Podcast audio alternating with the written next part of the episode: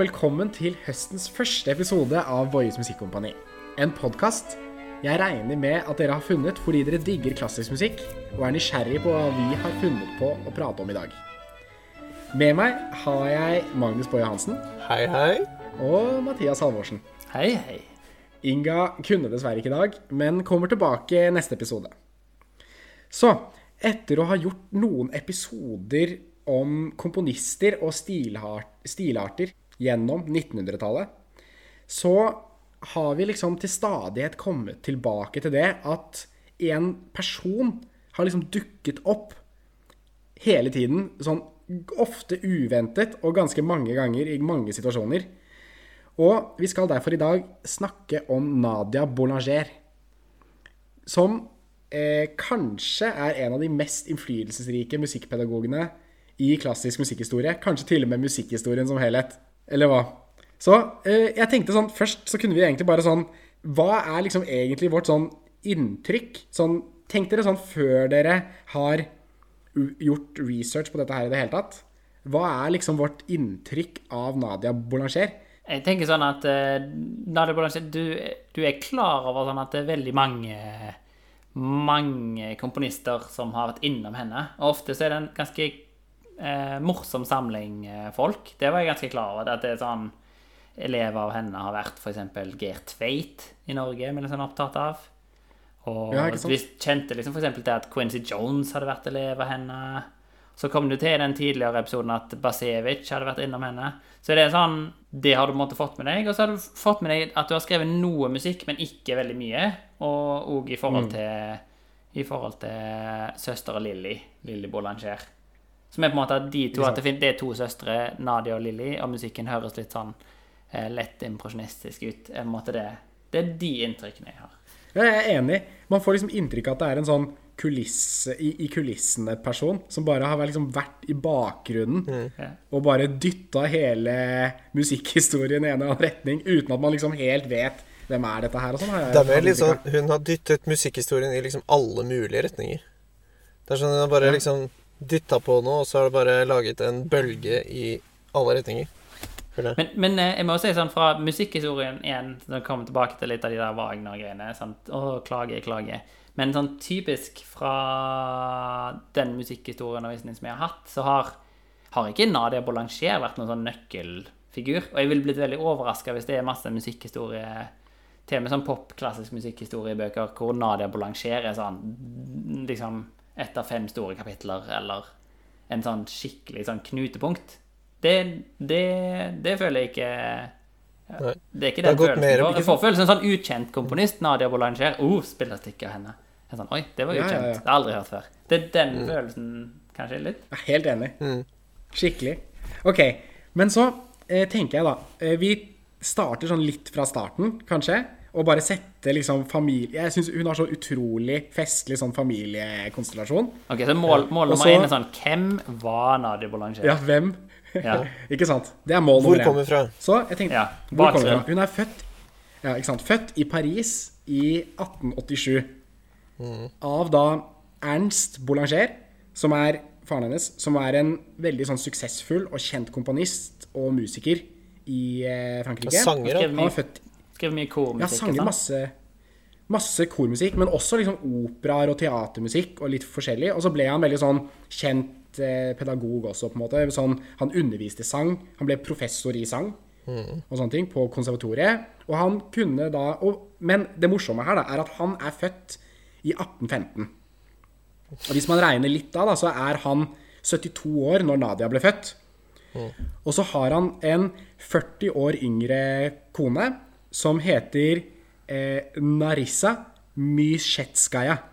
Og hun Dette er kjempegøy. Det er. Fordi hun gikk rundt og sa Og eh, man er litt usikre på om dette stemmer, og hennes liksom egentlige sånn linje bakover. Men hun sier i hvert fall selv, da. Hun går i Paris for å være russisk prinsesse.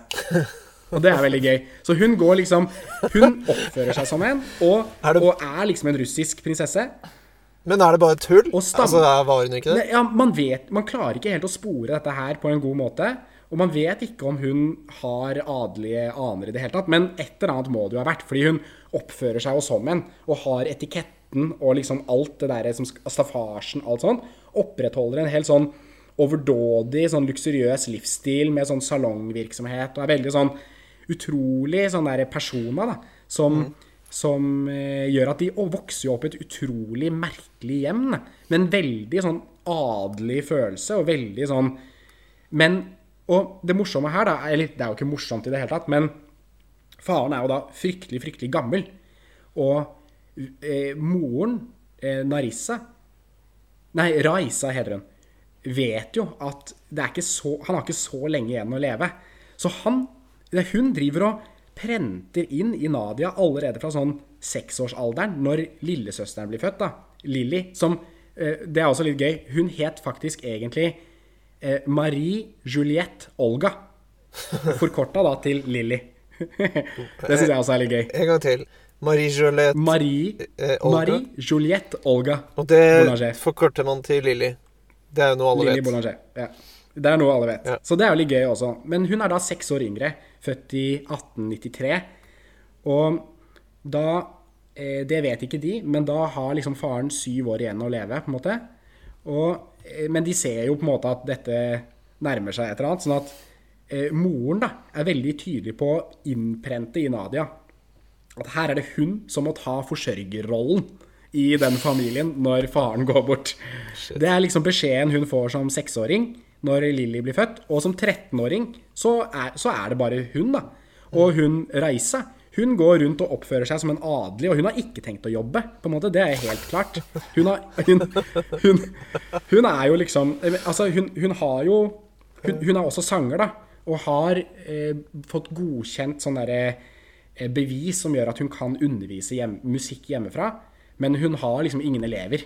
Og, og det er liksom ingenting å, å, å, å gjøre. Så, og de kan ikke leve på eh, hva, hva heter det? Sånn eh, royalties. Hva heter det på norsk igjen? Eh, ja.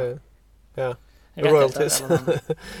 ja, rettighetene etter farens komposisjoner. Da. Det er ikke nok til å leve av med hennes livsstil, da, hun moren. Og det var ikke noe apanasje fra, fra Russland man kunne liksom legge krav på? Nei, greia er jo den at de Jeg tror ikke de anerkjente det at hun eh, var adelig der. En jeg- Det var ikke noe sånn Jeg tror hun bare tuller, jeg. Jeg tror hun bare liksom Ja. har lært seg masse fakter og greier, og så bare går hun, går hun med det ja, Jeg så flow. noen spe spekulasjoner Ja, på forskjellige steder om liksom hvor Men alle de fremstår som så usikre at det er liksom at de som fremstår som sikre i sin sak, blir liksom motbevist av noen andre på den andre siden. Sånn at jeg eh, Som- føler at vi trenger ikke liksom spekulere for mye her. Nei, okay. Men, hun, man vet hun det liksom sier i hvert fall selv, da. Ja. Ja, man vet ikke helt. Uansett, da. Ganske morsomt. Og så eh, Så hun blir jo da på en måte ganske tidlig moden, da. Eh, og som syvåring så begynner hun på en måte for alvor å interessere seg for eh, musikk. Og som niåring så blir hun elev på konservatoriet i Paris, med Fauré annet som lærer. Og Gabriel Fauré var jo også liksom en sånn eh, venn av familien, og de, de opp, altså, Det virker på meg i hvert fall som om de opprettholder veldig en sånn adelig livsstil, og menger seg veldig med fiffen. Det er veldig sånn derre Et hjem som er veldig etablert og veldig anerkjent, og veldig sånn høyt i kurs da, i den franske eliten på en eller annen måte. Og, sånn, og de har på en måte et slags sånn rykte å opprettholde, og, og hun begynner å jobbe beinhardt veldig tidlig. da. Så kommer vi til liksom et annet aspekt, da, og det er denne eh, Prix de Rome, som er en, eh, som, en sånn pris jeg har hørt om før. Det er altså denne franske kunst, et sånn fransk kunstnerstipend som deles ut eh, hvert år for, å, for at kunstnere skal kunne bare bo i Roma og hente inspirasjon, og bo der, få liksom full kost, losji, lei, kjempefin leilighet. Det er noen sånne spesifikke leiligheter de har kjøpt inn til dette formålet. Og jeg leste litt om den pri prisen. Det er Ludvig den 14. som innførte det på 1600-tallet for maleri og skulptur. Og så ble arkitektur introdusert på 1700-tallet, og så ble musikk introdusert i 1803. Så fra 1803 så var det de fire kunstretningene som kunne få disse stipendene. Da. Og siden da så har det jo vært en sånn evig konkurranse innenfor fransk eh, musikkliv å, å vinne den konkurransen. Og dermed få dette stipendet, dra til Roma og bare leve livet der i noen år. Med, til du er liksom ferdig med det, med det da. Og Ernst, da, faren, han vant det i 1835.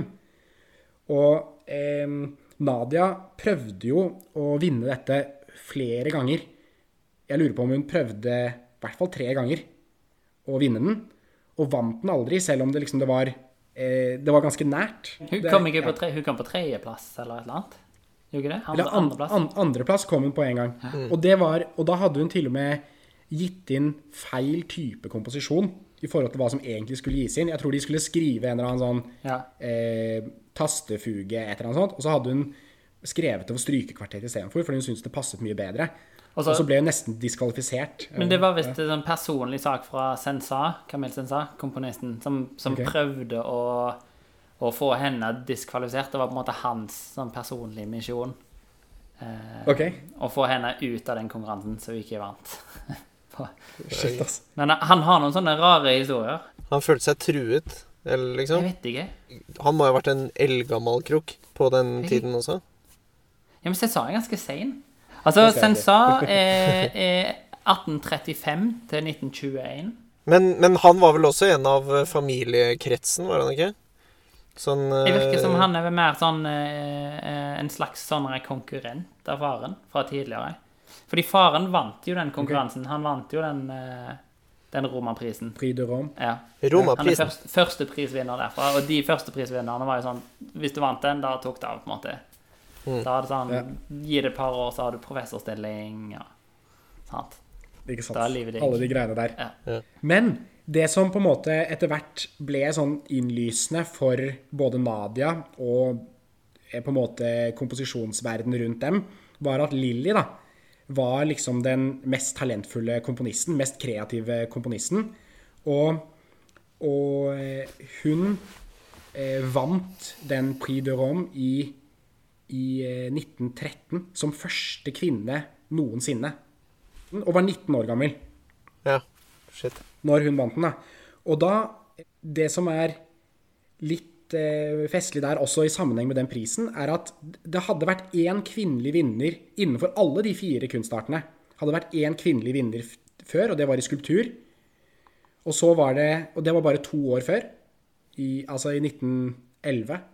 Og så, i musikk, var da første kvinne 1913, som var Lilly Bo- Bo- Boulanger. Og så var eh, første billed, eh, sånn maler Første kvinnelige maler var først i 1925. Oi, oi, oi. Og jeg, jeg føler sånn, også med tanken, Når vi snakker sånn om César i den sammenhengen nå, så merker man jo da at sånn Det er en viss motstand mot å liksom innlemme kvinner i det der gamet. Om å liksom vinne prisen, bli liksom den neste franske komponisten.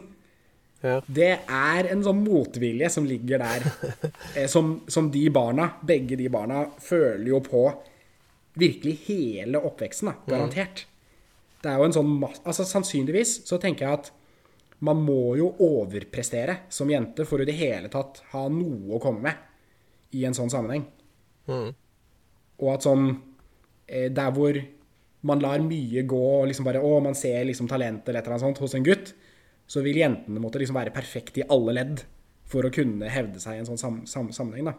Men det, det som er viktig i dette her, er jo at Nadia brød seg ekstremt om lillesøsteren. Ja. Og lillesøsteren var, vel, var kronisk syk. Alle, det var åpenbart ganske tidlig. Jeg husker ikke akkurat hvilken sykdom det var nå. Men hun var liksom døende. Og eh, døde i eh, 1918. Bare fem år etter hun hadde vunnet den eh, prisen. da. Og eh, det var da i slutten av krigen også. Og de jentene, begge to, hadde egentlig brukt utrolig mye krefter og energi i løpet av krigen på hjelpearbeid under eh, krigen. Og Første verdenskrig. eh, under første verdenskrig, ja. Ja. ja. Og det, det tok på helt ekstremt for Lilly òg, da. Så hun fikk en eller annen sånn lungeinfeksjon som tok knekken på henne på slutten der, da. Som bare forverret. Alt bare eskalerte i en sånn nedadgående spiral. Og så er det en ganske sånn kjent, kjent greie der, da. Det er at når Lilly døde, så dikterte hun eh, sin, sitt siste verk liksom, til Nadia, da, som skrev det ned. Pie Jesu. Og som er sånn Det er kjempesterkt. Det, det er en hel sånn Mozart-Amadeus-fil liksom, over det. Sånn der Salieri sitter og skriver ned Liksom, sånn, sånn, sånn rekviem, liksom. En sånn følelse. Det er åpenbart at hun har all musikken i hodet. Nadia bare skriver alt ned. Fordi hun, Lilly klarer ikke å føre pennen engang. Liksom. Det er helt sånn. Og så, og så eh, dør hun, og Nadia bestemmer seg for å ikke komponere mer. Det var liksom spikeren i kista for hennes komposisjonsvirksomhet. Hun bestemmer seg liksom da for at det skal hun ikke gjøre mer. Da skal hun vie livet sitt til undervisningen, da. Så det er jo, selv om hun da har undervist ganske lenge allerede, Ja. og allerede fra 1904, altså som 17-åring, så startet hun privatundervisning i hjemmet, og bygde på en måte derfra sitt, eh, sitt eh, undervisningsimperie, da, på en måte. Sitt verdensherredømme. Ja. Ja. Jeg synes det er gøy, kanskje, og siden det her på en måte er kanskje det første kapitlet i hennes liv, sånn fram til Ja. Lilly dør, tenker jeg det er gøy å få et sånn par morsomme detaljer. For eksempel at eh, i løpet av den tida her, så har hun allerede debutert òg som eh, dirigent. Hun har hatt eh, eh, Hun har blitt elev av Gabriel Fauré i komposisjon, som er veldig kult. Hun vant en konkurranse på skolen eh, i harmoni, som er en sånn sak som blir veldig jeg tror sånn sterk identitetssak for henne. Hun er en veldig sånn konservativ lærer som er veldig opptatt av, av kontrapunkt og, og regler og veldig sånn håndverkstilnærming til både undervisning og til komposisjon som, eh, som fag. Og så har hun blitt en eh, veldig god venn av Igor Stravinskij allerede. For hun var på premieren av uh, Ildfuglen, og etter det så var hun sånn Oi, det her var dritkult. Så, så de ble veldig gode venner, og de ble venner hele resten av livet. Og det morsomme er at Stravinskij òg sender, sender sønnen sin til å bli hennes elev på et sånt tidspunkt senere. Så det er sånn skikkelig familie. Og begge de, eh, begge de familiene emigrerer jo. Altså til USA liksom senere. Så det er for, for, forholdet liksom fortsetter der. Men nå røpte jeg litt. Beklager, alle sammen. Nå røpte jeg Nei, det er superbra. En litt morsom ting med Stravinskij der også, som jeg leste, var at, at eh, Fordi han var jo i kjempeøkonomisk trøbbel når han kom til Paris.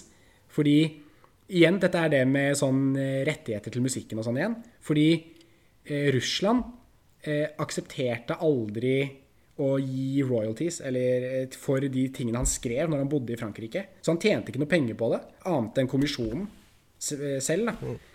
Så han, han, eh, og han hadde jo da kone og sånn tre barn eller sånt allerede da. Han var veldig sånn- ganske sånn fort så fikk han familielivet i gang der. Og det var Nadia som redda han gjennom alle de situasjonene. Det var derfor mye av grunnen til at det vennskapet ble så sterkt. da, var at Fordi hun kunne tydeligvis bra nok russisk pga. moren. Og det ble en veldig sånn eh, enkel måte å liksom knytte et vennskap da, gjennom språket og gjennom interessen for egentlig ganske, De har ganske sånn lik musikkstil òg. Hvis man hører musikken til Nadia Jeg hørte på eh, sånn cellosonate av henne, nummer to. Den er skikkelig Stravinskij, altså. Det er sånn ordentlig neoklassisk Eller neobarokk, kanskje nesten. Sånn derre eh, Skikkelig sånn tidlig neoklassistisk eh, musikk. Veldig kult. En annen, Så, eh, en annen ja. morsom ting der er jo at en, en, en som hater Strinskij, var jo Sensa. Så det er litt gøy. Okay. Det er En annen liten detalj her. Mye som skjer Ja, akkurat i den perioden. Det er den berømmelige eh, vårofferhistorien, er det ikke? Hvor han bare går ut. Det der er altfor høyt på fagott. Nei, dette her vil jeg ikke høre på. Jeg bare lurer på, fordi nå er, nå er Lilly død, og nå Altså, er, Befinner hun seg i Paris, eller hvor er vi, liksom? Er vi fortsatt i Paris? Ja, hun er absolutt fortsatt i Paris, og eh, på en måte Faktisk, det hun har gjort, da Hun og moren og Lilly, de flytta i 1904. Flytta de til eh, sitt på en måte hjem i Rue Balou 36. Og der bodde faktisk Nadia Boulanger til sin død i 1979. Oi. Hun ble jo ganske gammel. Mm, ja, Så hun bodde der, og i 1904 så begynte hun å undervise derfra.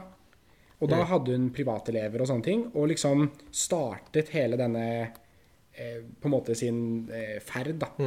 Eh, Men hva og liksom bygde på det. hvordan, hvordan kommer hun inn i sånn uh, universitet her? For hun begynner å undervise, undervise på ah, Hva heter dette universitetet da, i Paris? Ja, Fontainebleu. Fontainebleau, Ja, Fontainebleau, ja. som er den amerikanske skolen.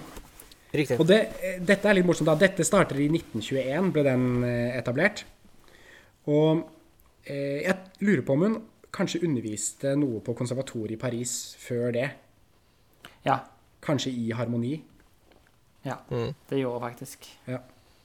Men, men eh, i hvert fall så i 1921 Dette er ganske sånn stort vendepunkt i livet hennes. Mest pga. den derre eh, Den på en måte mytebyggingen hun begynner i sammenheng med det å liksom På en måte være den edderkoppen i midten av det edderkoppspinnet, da, på en måte, som blir alle komponistene i verden, på en måte, på det tidspunktet, så er på en måte Det starter på en måte veldig med denne skolen her. Fordi, og det er litt morsomt hvorfor den ble starta, syns jeg. Det er så gøy.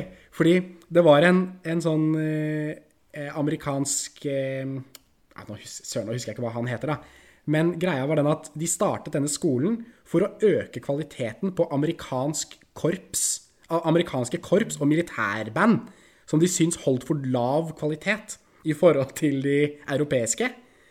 Og de startet da denne skolen i Frankrike for å liksom lære av de franske, da, på en måte, med fransk, og så, så de kunne sende alle sine amerikanske eh, komposisjonsstudenter dit for å lære europeisk stil og instrumentering og eh, komposisjonstradisjon. Og faktisk allerede da første kullet på den skolen var eh, Aaron Copland. Ja. Det er litt gøy. Og det, det er litt gøy. Og han ble der i ganske mange år. Og han Og ble en, en av hennes mest sånn hengivne disipler, på en måte. Ja. Hun skrev dedikert flere verk til henne. Og, og Ja, ja, ja. hun dirigerte flere urpremierer. Hun blir jo etter Blant annet orgelkonsert. ja, Hun begynner etter hvert å dirigere ganske mye. Og ganske mye jo når, spesielt når hun begynner å bli litt sånn eldre. Når, sånn opp i 70-årene og Ja. fortsatt dirigere. Det er litt kult. Uansett. Men jeg hopper alltid framover. Beklager det, folkens. altså. det er veldig bra. Uansett, da, på denne skolen så underviser hun fra 1921 til 35. Og det var noen ting der som het Fordi en av de liksom antagelsene vi har om henne, er nettopp det der med sånn den varierte eh, På en måte spredningen av studentene hennes. da, At det er så utrolig mange utrolig forskjellige folk som har kommet ut av det hennes undervisningsherredømme. Ja. da. For det tenker jeg er en ting som vi på en måte har lekt litt rundt nå når vi har snakket om Nadia Boulanger. Vi har prøvd å la være å begynne med konklusjonen. Fordi Ja. Og vi har på en måte hinta til det. Det som på en måte skjer nå, fra hun begynner med Copland og sånn, er at hun, hun blir eh, egentlig helt uten tvil den viktigste musikkpedagogen noensinne. Og det er ikke, det er ikke noen sånn nær konkurranse her mellom Nadia Boulanger og jeg vet ikke hvem det skulle vært. Jeg vet, jeg vet ikke hvem det Det skulle vært. det er ingen Det- andre det kunne ha vært. Altså, det her er helt, eh, det er helt uten tvil. Altså sånn Bare begynne helt Bare for å nevne veldig kort, bare sånn liten show-off-liste over noen, noen få av hennes elever. Og det er mange, mange, mange, mange, mange flere, inklusiv Geir Tveit. Um, som er på den lista Ja, som ikke nevnes på denne lista. Men prøv bare å legge merke til, legg merke til mm, noen navn her. Så nå bare kjører vi fullt på altså, hvor ekstremt det her faktisk er. Så vi begynner med Krasjina Basevic, som vi jo kjenner. Elliot Carter, storkommunist. Aron Copland. Walter Piston. Louise Talma. Marion Bauer. Peggy Glanwell Higgs. Eh, Thea Musgrave, veldig kul. Philip Glass, kanskje hørt om han før. Roy Harris. Eh, Burt, Burt Bacharach, noen kanskje hørt om han. Daniel Barenboim er jo et navn vi har hørt om før. Lennox Berkeley har masse kul musikk. Idil Biré, stor tyrkisk eh, pianist. Og ikke komponist hovedsakelig, men pianist, liksom. John Elliot Gardiner, som er jo veldig kult, som en av de liksom, viktigste sånn, tidlig musikk eh, Tidlig, tidlig musikkdirigentene og forkjemperne. Noe hun begynte med, så det er noe som han har måttet tatt videre fra henne. Hun var en av de første som begynte å organisere innspillinger av masse tidlig musikk som folk ikke hadde hørt før. Men det skal vi snakke om litt mer senere. Eh, Quincy Ja, ja. Jones, noen som kanskje har hørt om han. Dino Lipatti, en de, en fantastisk stor pianist. Eh, og Astor Piazzolla, Virgin Thompson Det er bare Listene er sånn Du kan lese kanskje de 100 mest kjente, og det fortsetter hva folk har hørt om hele veien gjennom. Le Leonard Bernstein. Ja, sant. Jean Som- Francais. De er ikke på den lista engang. Så det er sånn Nei, ikke sant? Og så er det sånn Ja, Henrik, Henrik Schering, som er en, en kjempebrent eh, fiolinist, gikk hos henne. Vet ikke om dere har hørt om henne? Nei, om han. Ja, Per Nørgaard. Per Nørgaard. eller noe sånt. Ja. Michael Legrand. Duke Ellington. Jeg vet ikke, Altså, det er helt det? Ikke sant? Men, så, men her, med en gang så merker du jo også det at det er en ekstrem variasjon her, da. Og at uh, både jazzkomponister, eh, tangokomponister, eh, tradisjonelt klassiske komponister, norsk, altså folk med vidt forskjellige uttrykk, da. Ut, altså er det utøvere, masse utøvere, i Masse forskjell, utøvere, på ja. forskjellige instrumenter, som har hatt henne som og studerte hos henne over flere år, liksom. Og det her er ikke snakk om folk som dropper inn for én time. Det her er folk som har gått hos henne dedikert over lange peri perioder. Altså over lang tid. Så det er skikkelig, skikkelig studenter. Ja, altså bare mens hun gikk, eller underviste på det eh, på Fontainebleau, så, så var det over 600 amerikanske komposisjon, komposisjonsstudenter som ble sendt gjennom henne. Og det er bare de amerikanske. 160? Så er det jo fryktelig Nei, 600. 600, ja. Ja. 600 Også, amerikanske komponister. ja. Og så er det jo alle de Og det trekkes fram da på en måte europeiske, australske og canadiske i tillegg, på en måte. da. Men da er spørsmålet Hva er det hun hadde, da? Hva hadde hun som gjorde at hun var så sinnssykt populær? Hvorfor ville alle til Nadia Boulanger? Ja, jeg tror det er Det virker som om Altså, hun må jo ha vært en veldig god lærer. Eller hun, hun må ha lært bort det som var viktig på en måte for å lykkes på en eller annen måte som komponist, tenker jeg litt, da. Det er jo historien om eh, og, Som dere sikkert har hørt før, med da Astor Piazzolla kom til henne. Og Astor Piazzolla kommer fra en liten sånn broket eh, bakgrunn. eh, med, med tango Vokst opp med tango, ikke sant. Og, og så flytta de til USA, og så begynte han å få ambisjoner med at han skulle bli komponist. Og så eh, kommer han til Nadia Boulanger, og da har han på en måte en stil som prøver å imitere alt. Eh, så han prøver å imitere liksom eh, romantisk musikk, sånn klassisk musikk, da. Og Boulanger sier bare til han at Ja, men du, du er jo Du er jo, du er jo tangogutt. Skriv tango, du. Hold deg til tangoen. Gjør det. Og rest is history, kan man liksom si, da. Er Så jeg, jeg tror hun var veldig sånn individuell. Det må hun ha vært. Ja. Veldig sånn Finn Ja, din greie, og bare gjør det. Men hun hadde visst en veldig sånn eh, Det er morsomt, det er jo det som er veldig gøy med Nadia Boulanger, i og med at hun lever til liksom inn på 70-tallet, så er det masse opptak av henne som snakker. Det er bra Det er bra, det er lagt filmer om hennes liksom under, eh, undervisning, og du kan se henne i aksjon, hvordan hun forholder seg til studenter. Eh, og masse intervjuer med studenter som forteller om hvordan det var å, å studere hos henne. Eh, så det er en ganske sånn morsom karakter, fordi det er jo hun legger mye vekt på det at det som er på en måte hennes hovedmål sånn i første omgang, er å prøve å få folk til å være modige nok til å snakke sitt eget språk. Til å finne sin egen stemme. Og det sier hun, det får hun ofte ikke til. Eh, fordi det er er Det er veldig vanskelig at noen andre skal gå inn og gjøre at du skal på en måte gjøre det. Men det virker som det er det hun liksom sier Eller det som er måte hennes hovedmål. Eh, og at du legger opp hvert, liksom hvert studieløp legger opp individuelt i forhold til hver elev. Og det høres på en måte ganske sånn eh, Det er jo en veldig sånn eh, fin og moderne tanke at du ikke skal liksom ha en, en formell måte å kjøre ting gjennom på. Altså sånn en fast prosess. Men så er det morsomt, for når du hører om hvordan du underviser, så er det litt annerledes igjen. Er det ikke helt moderne? Det er veldig, veldig hardt på regler og kontrapunkt. Og hun var veldig glad i å gi på en måte sånne oppgaver som folk skulle løse. For eksempel, ok, nå skal du lage en eh, åtterstemt fuge over med et harmonisk utgangspunkt og en basslinje som går bare heltoneakkorder oppover. Liksom bare jevnt progressivt oppover, mens du kjører liksom nedover liksom bak med, altså, Hun lager liksom sånn teoretiske oppgaver, om alt sammen skal være helt korrekt kontrapunkt i en sånn type stil eller et eller annet sånn. sånn. Og så, så prøver du med sånne typer oppgaver og sånn veldig sånn hard tilnærming på teori eh, å få å åpne studentene på en eller annen måte. Og det er morsomt at du har en så konservativ ideologisk eh, Et så konservativt ideologisk forhold til liksom musikkundervisning, samtidig som du er så veldig eh, er veldig opptatt av individualitet, f.eks. Det er en veldig morsom miks på de to. Og det, når du ser henne snakke, så har hun en sånn skikkelig sånn eh, gammeldags sånn autoritær måte å prate på. Og når hun underviser, så er det veld, veldig autoritært. Det er veldig sånn hun, Hvis det er pianoelever, så er det sånn tar hun hendene. Hold. Ja, ja. That's a D minor chord. Everybody, what chord is coming now? Er veldig sånn ledende. Sånn. Jeg så også hun snakket om eh, at um, om genier. Hun hatet eh, å bruke ordet geni om liksom komponister. Fordi i hennes verden så var det bare liksom Det var, hardt, det var hard, hard jobb, liksom. Det var hardt arbeid, Ja. og det var liksom Du skal kunne disse tingene, og det er ikke noe, det er ikke noe sånn Du er ikke bedre enn alle andre. Selv om alle andre sier du er geni, så må du vite bedre, liksom, selv.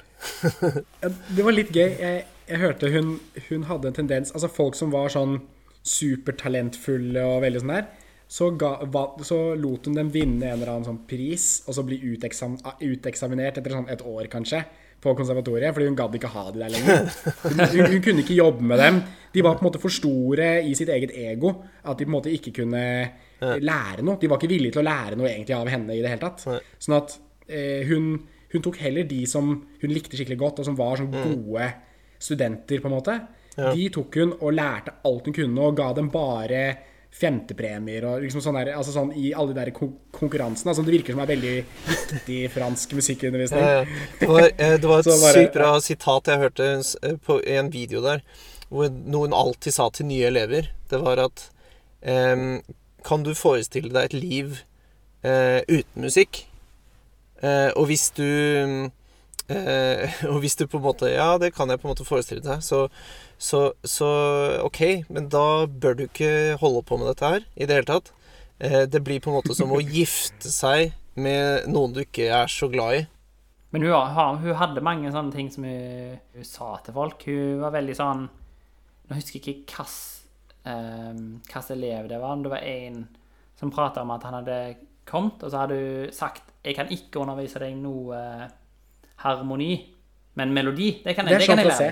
Det er Jean Frasé, ja. Det er Jean Francais. Ja. Ja. Sant. Men det er jo fordi han, han var jo et sånt vidunderbarn sjæl, som kunne harmoni allerede, liksom. Ja. Så, mente hun, da. Ja. En Da, kom- det, da var han sju år, eller noe sånt. Det er jo helt sånn tullete. Nei, men så, så hun var veldig sånn Jeg tror hun hadde veldig radar på Er dette noe eh, du bare du, du ikke kan leve uten? Da kan jeg jobbe med det, på en måte. Ikke sant? Da har jeg noe å jobbe med. Men jeg merker jo at vi, vi burde liksom ta et skikkelig dypdykk i, i liksom eh, hennes Den effekten hun har hatt på elevene sine, og på eh, likestilling i eh, komposisjons- eh, og musikk-Europa.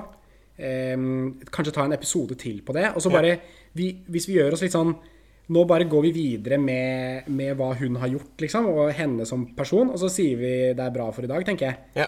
Ja, Det tror jeg bare, er bare Og for, da er det jo for om ikke ja. folk skal få noe feil inntrykk her.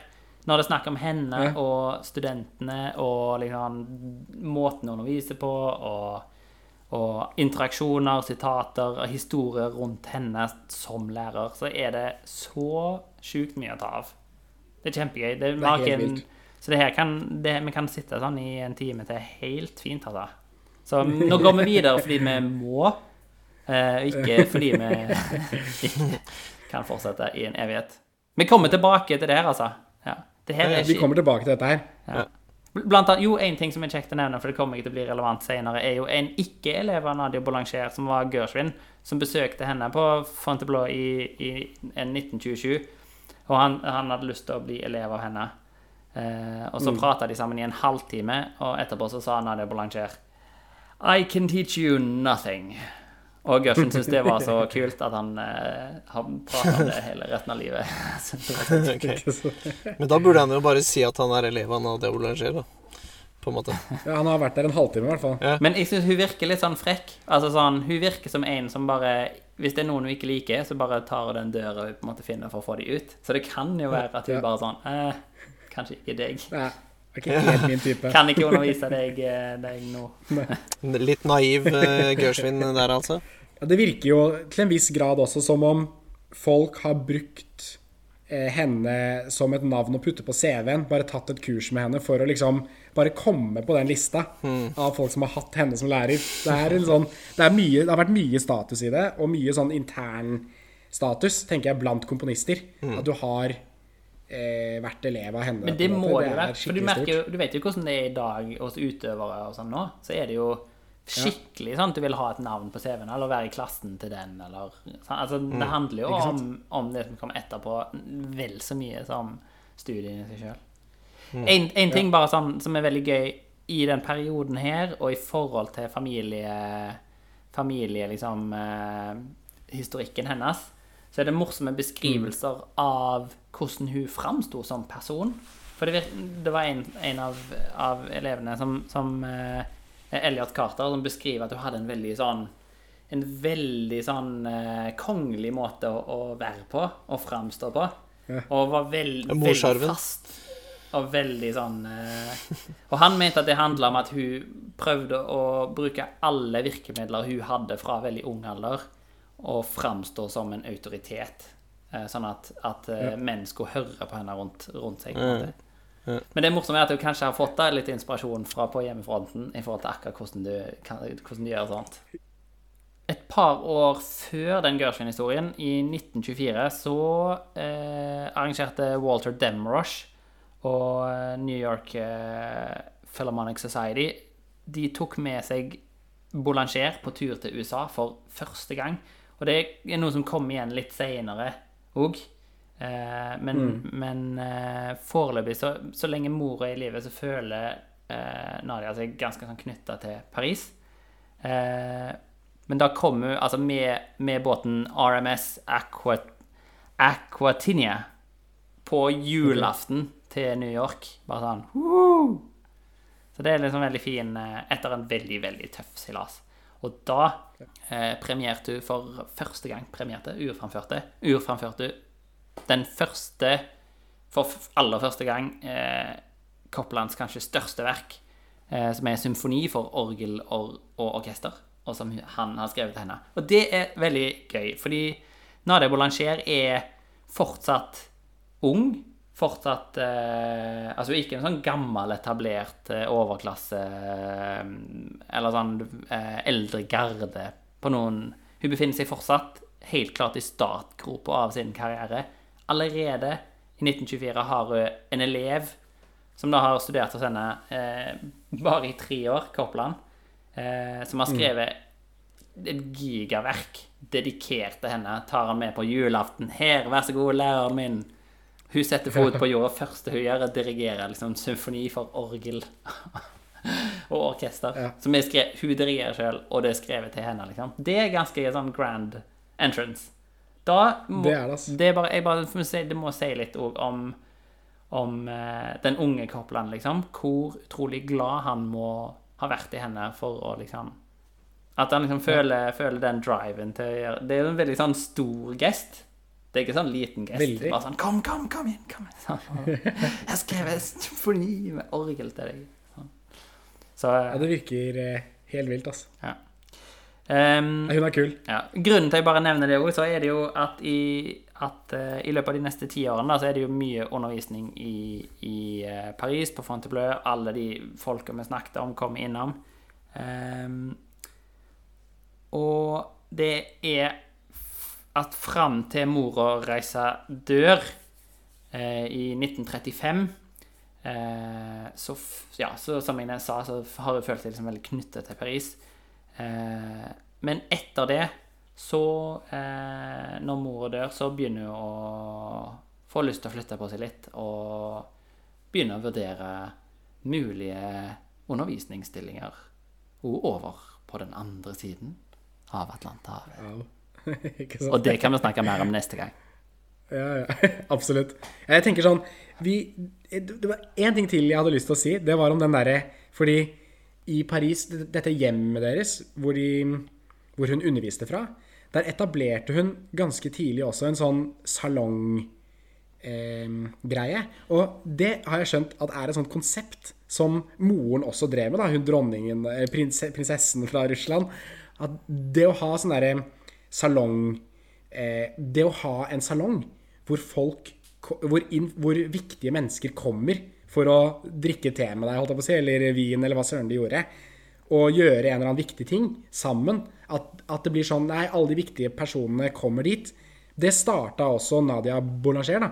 Så hver, når hun var i Paris, og helt til sin død, så hadde hun hver onsdag hun var der, hadde hun sånn at, hun, at folk kom, og de hadde en time i verkanalyse og bladsang.